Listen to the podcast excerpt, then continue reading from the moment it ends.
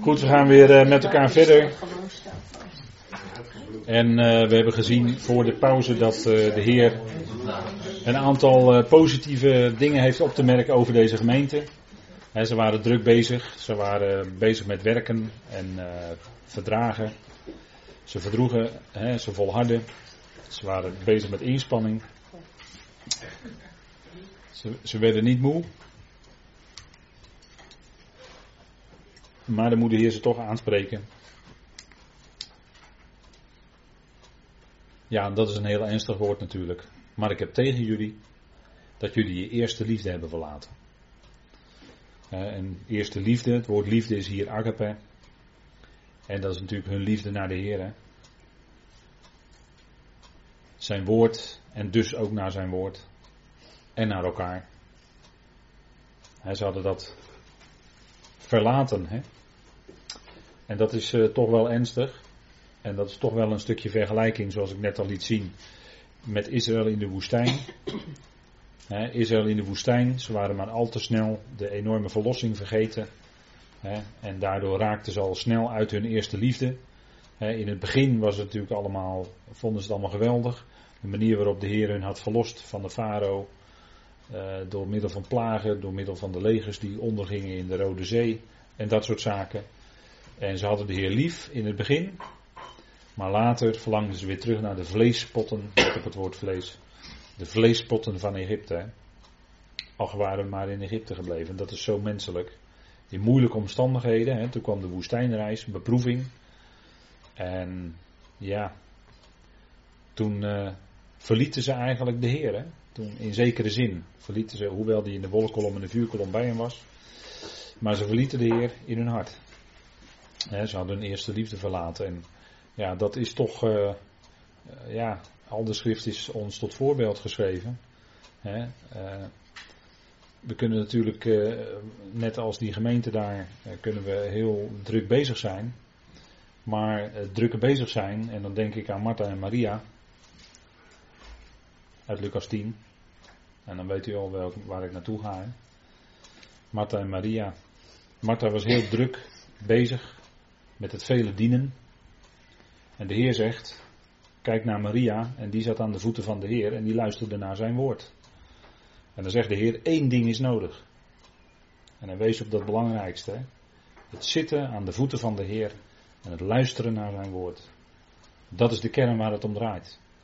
En als je dat loslaat, als gelovige, dan laat je in zekere zin die eerste liefde los, zou je kunnen zeggen. Want daar gaat het om. De Heer spreekt. Zijn woord was het centrale in Israël dat door de woestijn trok. Want waar was de heerlijkheid van de Heer? De heerlijkheid van de Heer was op de ark tussen de cherubim en daar sprak hij, daar sprak hij. Zo was de heerlijkheid van de Heer. Dat was het centrum van de heerlijkheid van de Heer. Daar sprak hij zijn woord. En in die ark, want toen het Ikaboot was in Israël, 1 Samuel 4, toen was de ark meegenomen door de Filistijnen. En toen werd er gezegd, Ikaboot, de heerlijkheid is weg. Waarom? De ark was weg. En wat lag er in de ark? Het woord van God. Dat was het centrale gegeven. En dat was dus uit het midden van Israël gegaan. De Heer kon dus niet meer spreken van tussen de Gerubim. Hij kon dus niet meer spreken. En daarom was de heerlijkheid weg. Dat, dus de heerlijkheid van de Heer heeft alles te maken met het spreken wat hij doet. En dat heeft, te maken, heeft ook alles te maken hier met die eerste liefde. Het liefhebben van zijn woord, het echte ware liefhebben van zijn woord. Als, als dat als gelovigen vasthouden, doen, dan blijven we ook in die eerste liefde. En als je dat loslaat, dan kan je heel druk bezig zijn. En dan kan je heel mooi bezig zijn met allerlei dingen, heel druk, ook in de gemeente. Maar als dat niet in jouw leven aanwezig is, ja, dan heb je in zekere zin die eerste liefde verlaten. En dan, wordt het, en dan ga je het vanzelf wel merken als gelovige. Dan wordt het plichtmatig. Dan wordt het buitenkant, om het zo maar te zeggen. Maar dan gaat het niet meer van harte. Dan ben je wel een gelovige hoor. En je bent wel verzegeld en alles, dat blijft allemaal staan. Dat, dat gaat niet weg. Daar heeft het niks mee te maken. Maar het heeft te maken met je praktische wandel, met je leven. En, en is er dan iets van die heerlijkheid van de Heer in jouw leven? Nou, het heeft alles te maken met dat woord wat spreekt in jouw leven. En, en dat, vind, dat vind ik altijd zo treffend van die geschiedenis van Martha en Maria. He, Martha was druk bezig. En de Heer zei: Kijk naar Maria, één ding is nodig. En dat moest Israël doen als ze in de tempel kwamen. Wat was er namelijk in de tempel? De rollen, de schrift. En naar de tempel ging je om je te laten onderwijzen. Toen de Heer zoek was, toen hij twaalf jaar was, waar was hij toen? Bij de tempel. Hij was aan het discussiëren over, met de schriftgeleerden over de rollen, de inhoud van de, van, de, van de schrift. Daar was de Heer hoor. Toen hij zoek was. Nou, en dat is voor ons het centrale gegeven. Dus, hè, dus een eerste liefde verlaten. Israël deed dat in de woestijn. Ze waren het vergeten wat de Heer had gedaan. Geweldige wonderen, die verlossing. Het is altijd goed om terug te gaan naar de grote ommekeer in je leven. Wat de Heer in je leven heeft bewerkt. Waarvan hij je verlost heeft. Waarvan hij je bevrijd heeft. Het is goed om daaraan terug te denken. Opdat je de Heer hè, eh, blijft erkennen in zijn heerlijkheid en in zijn genade en liefde. Hè, dat is gewoon ongelooflijk belangrijk. En dit, dus dit is een heel ernstig woord wat de Heer spreekt tegen deze gemeente straks. Ze waren druk bezig. Ze volharden zelfs erin. Uh, ze zetten door, uh, noem maar op. Maar toch zegt hij tegen ze: Jullie hebben je eerste liefde verlaten. Dat is een ernstig woord hoor. Dat kunnen wij ook als gelovigen niet zomaar aan voorbij lezen, want alles is ons tot voorbeeld geschreven. Nou, dit is dan het voorbeeld voor ons. hoe zit het met nou met die eerste liefde? in je leven, alles wordt misschien maar gewoon na verloop van een aantal jaren. Ik wil niet zeggen sleur, maar dat kan een geloofsleven zelfs ook nog worden. Een beetje sleurachtig. Kan. En dan gaan de dingen verflauwen, versloffen. Nee, die eerste liefde. Dat is belangrijk. Nou, dat was dus ook in die gemeente aan de hand. Hè. Hoewel ze zelfs die kwaden niet verdroegen. Hè, ze, ze erkenden dat zijn valse apostelen willen niet mee te maken hebben. En toch.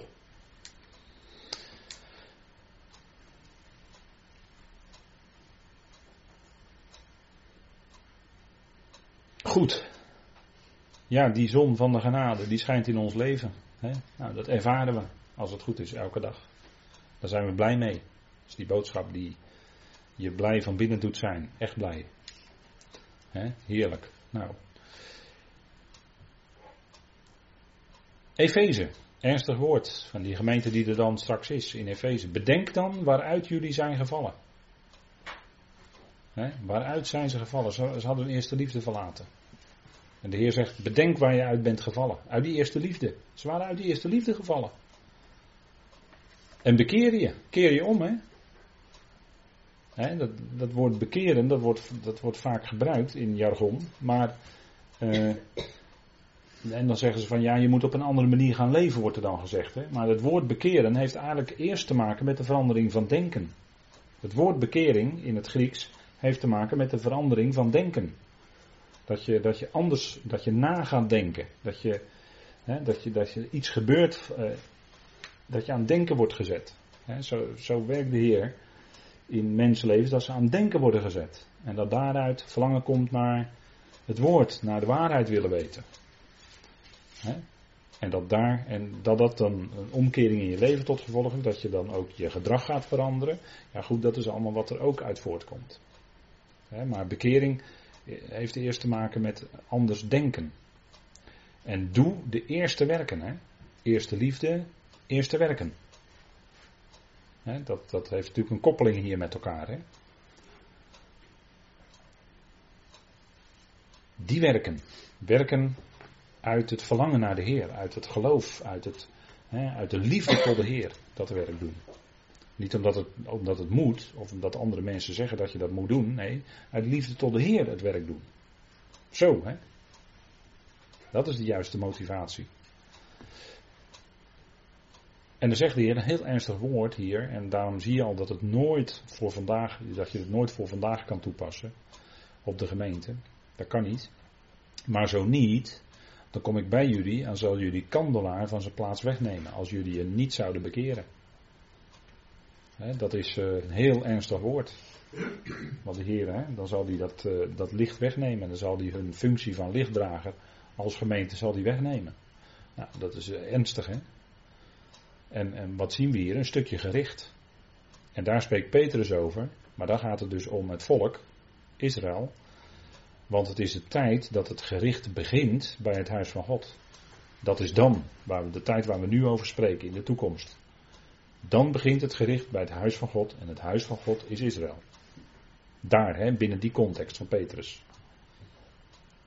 De, de, de huidige gemeente, 1 Timotheus 3, wordt ook het huis van God genoemd, dat weet ik wel. Maar daar zegt Paulus hele andere dingen. Als Petrus het heeft in 1 Petrus 4 over het huis van God, dan gaat het om Israël. Een koninklijk priesterschap, 1 Petrus 2 vers 9 en 10. Een heilig volk, een uitgekozen volk, zegt Petrus allemaal over zijn eigen volk Israël. En het huis van God daar is dus Israël. En dan begint het gericht inderdaad bij het, dat huis van God, Israël. Maar de, gemeente niet, hè? De huidige lichaam van Christus niet. Dat heeft daar niet mee te maken. Dus anders zou de Heer die kandelaar bij hen wegnemen.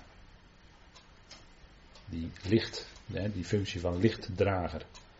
Als ze zich niet zouden bekeren. En uh, dat is ook niet de prediking voor vandaag. Dat hoor je wel eens eh, binnen, vanuit kerken of geloofskringen. Dan gaat de evangelie, dat noemt men dan evangelieprediking. En dan zegt men tegen ongelovigen dat ze zich moeten bekeren. Nou, dat is niet de prediking voor vandaag. Dat is niet dat je je moet bekeren. Maar de prediking voor vandaag is dat God verzoend is. Dat God liefde is. Dat hij alles gedaan heeft. En wat je kan doen is daarvoor danken. En dat het een ommekeer in je leven teweeg brengt, ja natuurlijk. Maar eh, je hoeft, je hoeft niks te doen. Het is geen voorwaarde. Je hoeft je eerst niet te bekeren. dan, moet je, dan wordt er gezegd, je moet je eerst bekeren. En dan zal het kunnen gebeuren dat je wedergeboren wordt. Misschien. Maar dat is een verkeerde prediking. Prediking voor vandaag is God is verzoenend. God houdt niks tegen je. Jij hoeft jezelf niet eerst te veranderen. En je mag hem gewoon danken voor de genade die hij in Christus geschonken heeft. En schenkt. Daar mag je voor danken. Want al dat werk wat Christus al gedaan heeft. Al die voorwaarden zijn al vervuld. Er is niets tussen God en de mens. Nou, God eenvoudig voor danken. Daar begint het mee. Of zoals 2 Corinthië 5 zegt, wees verzoend met God. Dus met andere woorden, wees je dat bewust, dat je verzoend bent. Nou, dat is het. God is liefde. Dat is de prediking. God is, de, God is je redder. God is de redder van alle mensen. Enorme boodschap natuurlijk. Dat, dat eert God werkelijk. Hè? Maar niet, je moet je bekeren. Dat, is, dat is nou net aan, de andere kant beginnen. Dat is bij de mens neerleggen, die moet dan voorwaarden vervullen. En dan, dan ben je toch weer religieus bezig. Goed, maar dit hebben jullie. ze, ze, ze, wilden niks te maken hebben met die kwaden, met die valse apostelen, die schijnapostelen enzovoort. Maar dit hebben jullie, dat jullie de werken van de Nicolaïten haten, die ook ik haat. De werken van de Nicolaïten. Er zijn al heel wat theorieën over losgelaten hoor, want u zou eens moeten weten hoeveel, ik weet niet eens hoeveel er zijn. Er zijn er zoveel commentaren op het boek Openbaring. Zo ontzettend veel. En men heeft er allerlei gedachten, ook van de Nicolaïten. Daar heeft men van alles van gemaakt. Hè. Dat er ooit een zekere Nicolaas, of Nicola, Nicolaas, Nicolaas. Een Nicolaas, sorry. Dat is later nog heilig verklaard ook geloof ik. Maar goed, ehm, dat er een zekere Nicolaas geweest is, of zou zijn. Als je gaat zoeken, is, kan je hem niet vinden hoor. Maar goed, dat is dan een theorie. Hè, een theorie een Nicolaas geweest en die zou dan een secte gesticht hebben en dat zou dan, dat zou dan hierover gaan. Nou, dat, die Nicolaas kun je niet terugvinden. die andere wel, die heeft een meid erop, maar goed. Dat, uh, nou goed, wat je daar ook maar van vindt. Maar Nicolaus, als je teruggaat naar het woord, wat het nou betekent, dan heeft het te maken met overwinnen van volken of volkeren dat Nikao, daar is uh, het woord Nike, overwinnaar, overwinning. Nikao is dan het woord uh, uh, overwinnen. En laitoon is dan volkeren, volk, volk, meervoud volkeren. Overwinnen, volkeren. En dan 2 vers 15, maar daar komen we later nog een keer op terug. Zo hebben jullie ook diegenen die zich houden aan de leer van de Nicolaïten op dezelfde manier. Maar we gaan binnen het verband van die gemeente dan, ga ik er dan weer dieper op in. Maar nu gaat het om, wat zijn dan die werken van de Nicolaïten? Nou, eh, je moet terug naar het woord zelf, hè? dus wat betekent het? Overwinnen van volkeren. En als je nou gaat kijken in het boek Openbaring, want dat is toch het eerste waar je naar moet zoeken, in het Bijbelboek zelf, naar de uitleg, hè, om te ontdekken wat, waar heeft dat nu mee te maken. Je kan hier natuurlijk, hier zijn diverse theorieën over geweest, maar je moet eerst kijken in het boek Openbaring zelf. Hè. Waar komt nog meer dat, je zou kunnen zoeken op het woord overwinnen of overwinnaar. En dan kom je verder. Want wie wordt genoemd eigenlijk als de overwinnaar in openbaring en is, een, en is tegelijkertijd een hater van God? Dan kom je bij openbaring 6 uit. Daar is dat bekende beeld wat Johannes te zien kreeg van die ruiter op dat witte paard. En ik zag en zie een wit paard en hij die erop zat had een boog. En hem werd een krans gegeven en hij trok uit, overwinnend en om te overwinnen. Natuurlijk zullen we daar bij de bespreking van Openbaring 6 nog dieper op ingaan. Maar voor nu even een wit paard. En die erop zit had een boog. Een boog, maar zonder pijlen. Dat wil zeggen, de strijd is hier nog op een afstand. En hem werd een krans gegeven. Nee, Stefanoi, dat is, een, eh, dat is altijd een lauwerkrans, het teken voor de overwinnaar. Hè. Er wordt nu nog een blauwe krans omgehangen als je een sportwedstrijd hebt gewonnen. Een krans gegeven, dus komt te overwinnen. Maar het gebeurt hier zonder strijd, zonder oorlog. Dus vrede. Hij weet op een of andere manier weet hij een vrede te bewerkstelligen. En hij trok uit, overwinnend en om te overwinnen. En het lukte hem ook. En over wie hebben we het dan hier? Sommige uitleggers menen zelfs, omdat het gaat om een ruiter op het witte paard. En in openbaring 19 heb je ook een ruiter op het witte paard.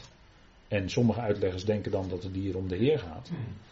Maar in tegendeel, hier gaat het helemaal niet over de Heer. Hier gaat het juist om de tegen, grote tegenhanger. De valse Messias. Of de wetteloze, zou je ook kunnen zeggen.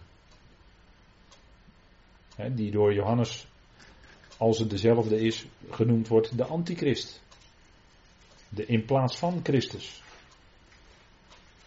anti in het Grieks, in de Bijbel, heeft te maken met in plaats van. Niet zozeer tegen, zoals wij dat kennen, maar het is in plaats van. zo waren er ook in de tijd van Paulus, waren er allerlei tegensprekers. En er wordt het woord anti ook gebruikt. Dat wil dus zeggen, zij willen in plaats van spreken. Dus als zij dan er tegen ingaan, tegen de boodschap die Paulus brengt, dat was ook bij Titus aan de hand, met het aanstellen van die oudste allemaal in Titus 1, hè, dat was om, om de tegensprekers te kunnen weerleggen. En die tegensprekers, die, spreken dan, die gaan er dan tegenin. Waarom?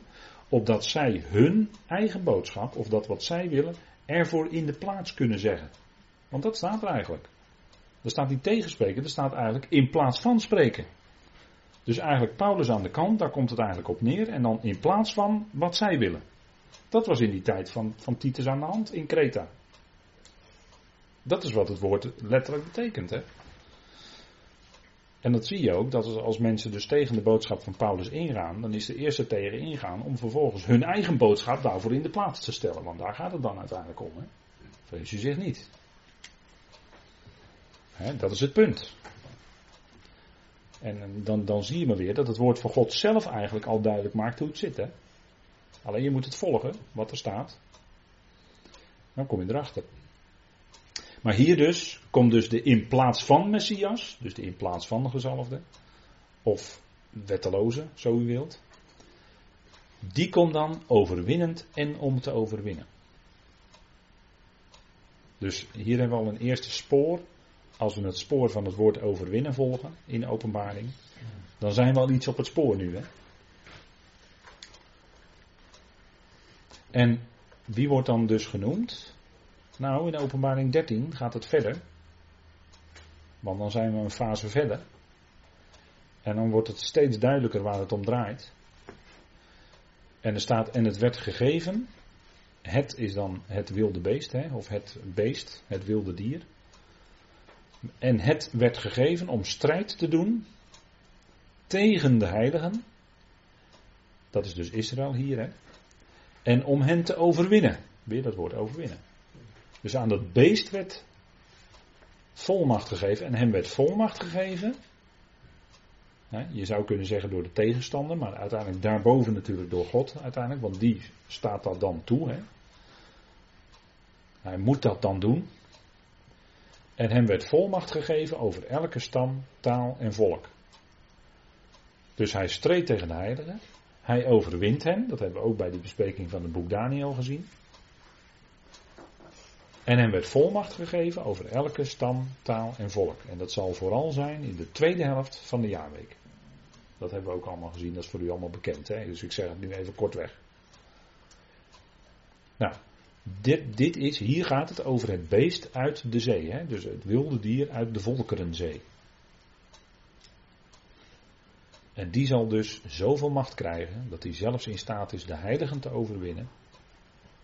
En vandaag de dag wil men nog niet echt oorlog voeren tegen Israël, omdat Israël een grote militaire macht heeft. Maar dan zal het wel gebeuren, dan zal hij in staat zijn om te overwinnen. Kijk, hier gaat het om in openbaring? Om Babel. Babel is de hoofdstad van het laatste wereldrijk. Dat was zo in het Babylonische wereldrijk.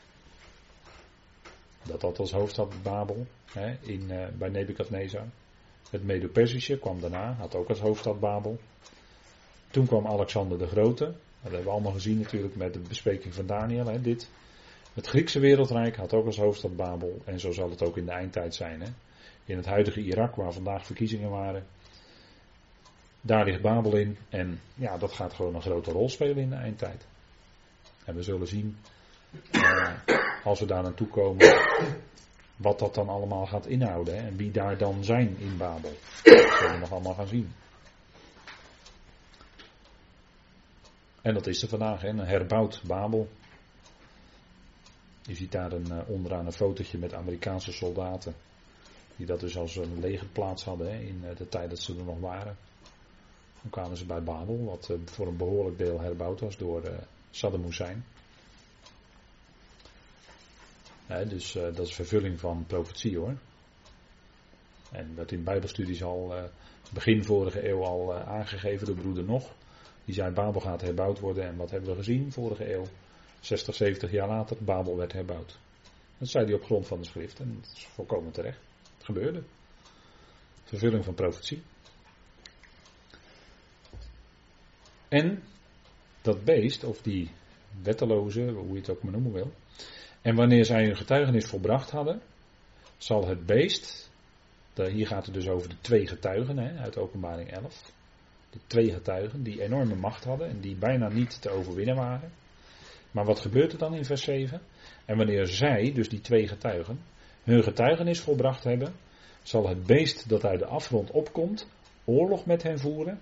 En het zal hen overwinnen, weer dat woord overwinnen. Hè, en hen doden. Het zal zelfs dus die twee getuigen kunnen overwinnen, dat beest. Ongelooflijk hè? En het zal hen doden. En ze zullen dan drieënhalve dag daar op die Oh, in Jeruzalem zullen hun lijken liggen.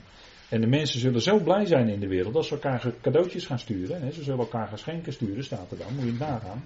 Er zijn er twee dood en iedereen is er blij mee. Ze gaan elkaar geschenken sturen. Eindelijk eh, die monden dicht. Hè. Want daar gaat het dan natuurlijk om. Zij getuigen. Twee getuigen. Dus die hielden hun mond niet. Die zeiden dan in die tijd de waarheid. Nou, dan kun je zien wat er gebeurt met mensen die de waarheid spreken. Het ultieme is dan dat ze gedood worden. dat, uh, Paulus werd ook gestenigd hoor. Het was eigenlijk de bedoeling dat hij nooit meer zou kunnen spreken. Dat was de bedoeling. Maar het gebeurde niet. Maar die mond van Paulus die moest dicht. Maar ook hier, hè. Zal hen overwinnen en zelfs hen doden. Dus hier weer het woord overwinnen. Dus als we dat spoortje zo volgen door het boek Openbaring heen, dan zien we steeds bij dat beest. Die heeft dan de mogelijkheid om te kunnen overwinnen.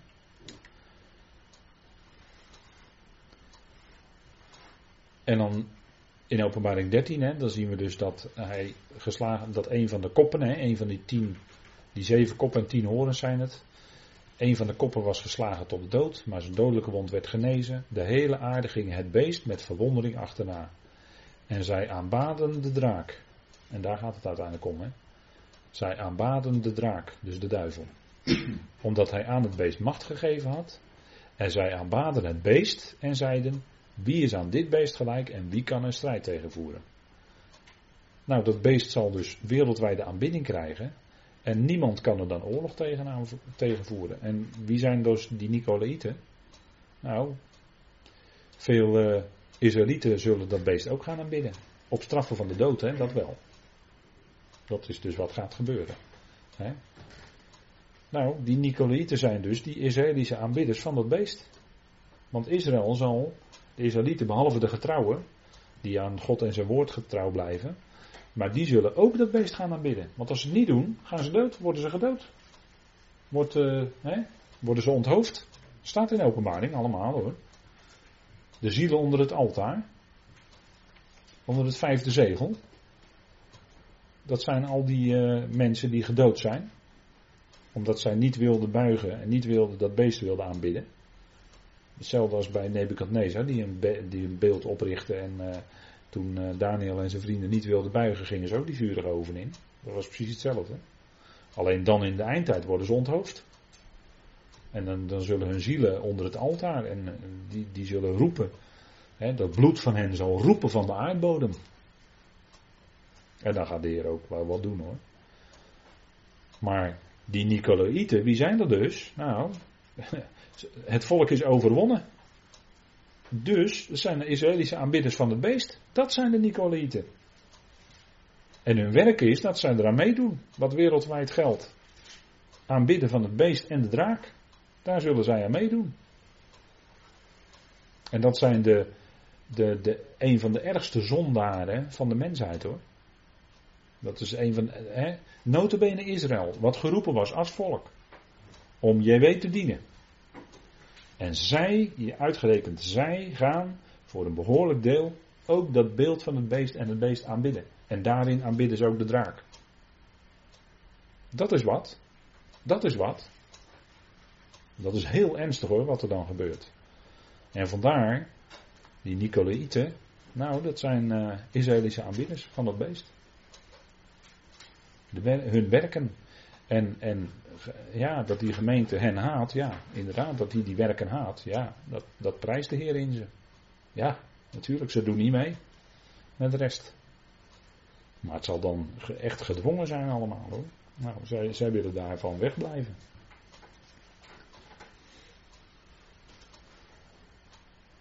En ik denk dat dit een sleutel is. Of dat dit, dit, hè, dat, dat dit heel dichterbij komt wie die Nicolaïten werkelijk zijn. Hè.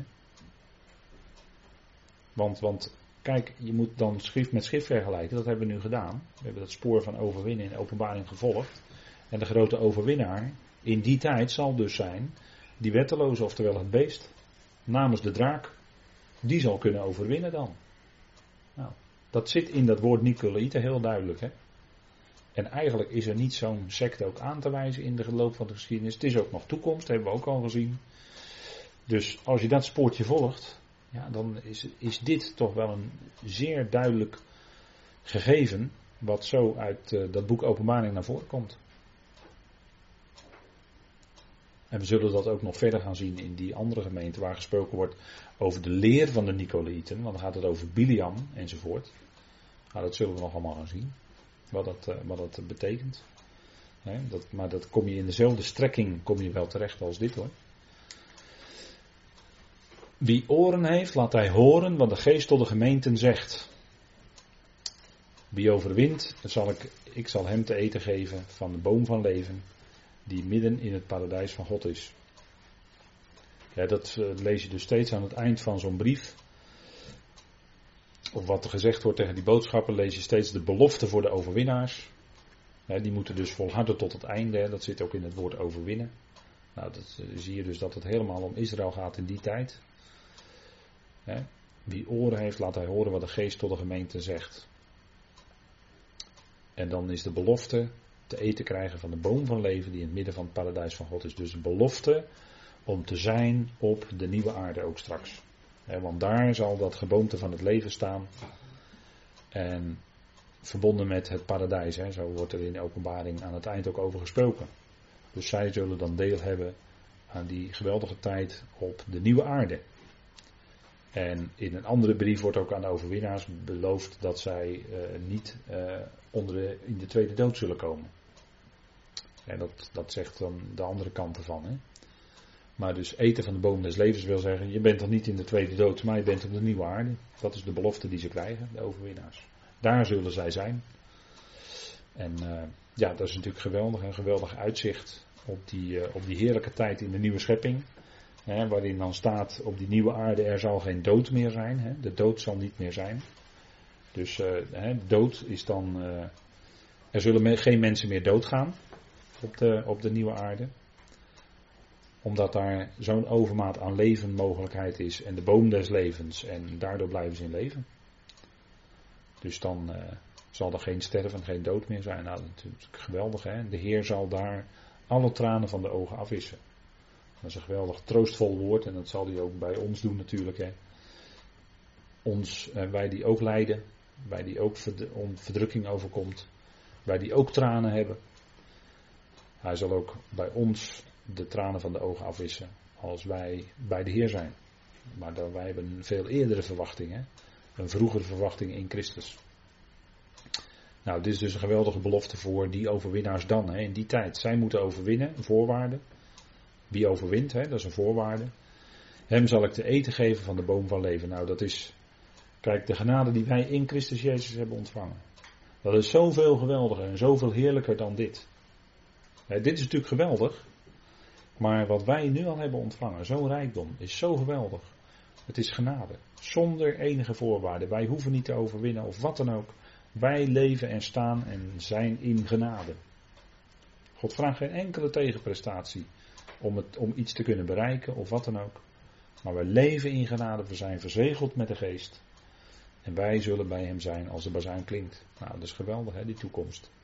En de Heer is nu al nabij hoor. Het is niet zo dat wij zullen straks bij hem zijn. Ja, lijfelijk dan. Maar de Heer is nu al nabij. De Heer is nu, vandaag nabij. In de situatie waarin we zijn. Hè, spreekt Hij zijn woord. Wat ons troost, wat ons bemoedigt, wat ons opbouwt. Hè. Eh, mensen kunnen tegen ons te hoop lopen, maar de Heer is nabij. Dat is die geweldige belofte die hij waarmaakt, elke dag weer. De Heer is nabij, dat is uh, geweldig. Is een heerlijke zekerheid voor ons. Nou, laten we daarmee eindigen vanavond. En we zullen afsluiten met een dankgebed. Trouw vader, wij danken u dat we mogen eindigen met toch weer die woorden van de apostel Paulus, die ons bemoedigen, die ons opbeuren, die spreken van die rijkdom aan genade. Vader, dat u inderdaad in al onze behoeften zal voorzien naar uw rijkdom in Christus Jezus onze Heer. Dat is een geweldige belofte, Heer, en u maakt dat waar. U doet dat vandaag. Dank u wel dat u nabij bent. Dat u vandaag nabij was. Dat u vanavond en vannacht nabij bent. En dat u ook morgen in de situatie waarin we zijn. Misschien als het moeilijk is. Of als er lijden is. Vader, u bent nabij, u bent niet ver weg. En u troost en bemoedigt ons met die geweldige verwachting, zekerheid, hoop dat wij als de bazuin gaat levend gemaakt zullen worden en al diegenen die in Christus ontslapen zijn, zullen we dan weer ontmoeten. Vader, wat een geweldig moment zal dat zijn. Daar zien we naar uit. We danken u dat u die geweldige belofte gegeven heeft. En dank u dat we ook mogen kijken naar het volk Israël, Vader, uw geliefden, uw geliefd volk, uw oogappel. En wat moeten door een enorme tijd van verdrukking gaan. Maar u zal ook met hem tot uw doel komen. En zij zullen weer zonen van de Allerhoogste zijn in de toekomst. Vader, aan de spits van de volkeren staan. Een geweldige toekomst met u. Vader, dank u wel voor die heerlijke toekomst die wacht. Voor Israël, voor de volkeren en voor ons als lichaam van Christus. Vader, dank u wel voor die zegen, die heerlijkheid, die goedheid van u. Dat we daar dagelijks ons in mogen leven en bewegen. En ons dat bewust zijn. Vader, en mag het zo zijn dat we altijd dicht bij dat woord van u blijven. Dicht bij u blijven. Bij u die ons lief hebt. Bovenmate. En dat we altijd volledig gedrenkt zijn in die heerlijke liefde van uw Vader. We danken u daarvoor. En zo dank u voor dit moment wat u vanavond gaf. Om weer een stukje verder te komen in dat moeilijke Bijbelboek. Openbaring. We danken u dat we daar stap voor stap doorheen mogen wandelen. En ook in de komende, voor de komende keren bidden we u, wilt u ons nabij zijn? Vader, zeker ook de komende dagen. We danken u daarvoor in de machtige naam van uw geliefde zoon. Amen.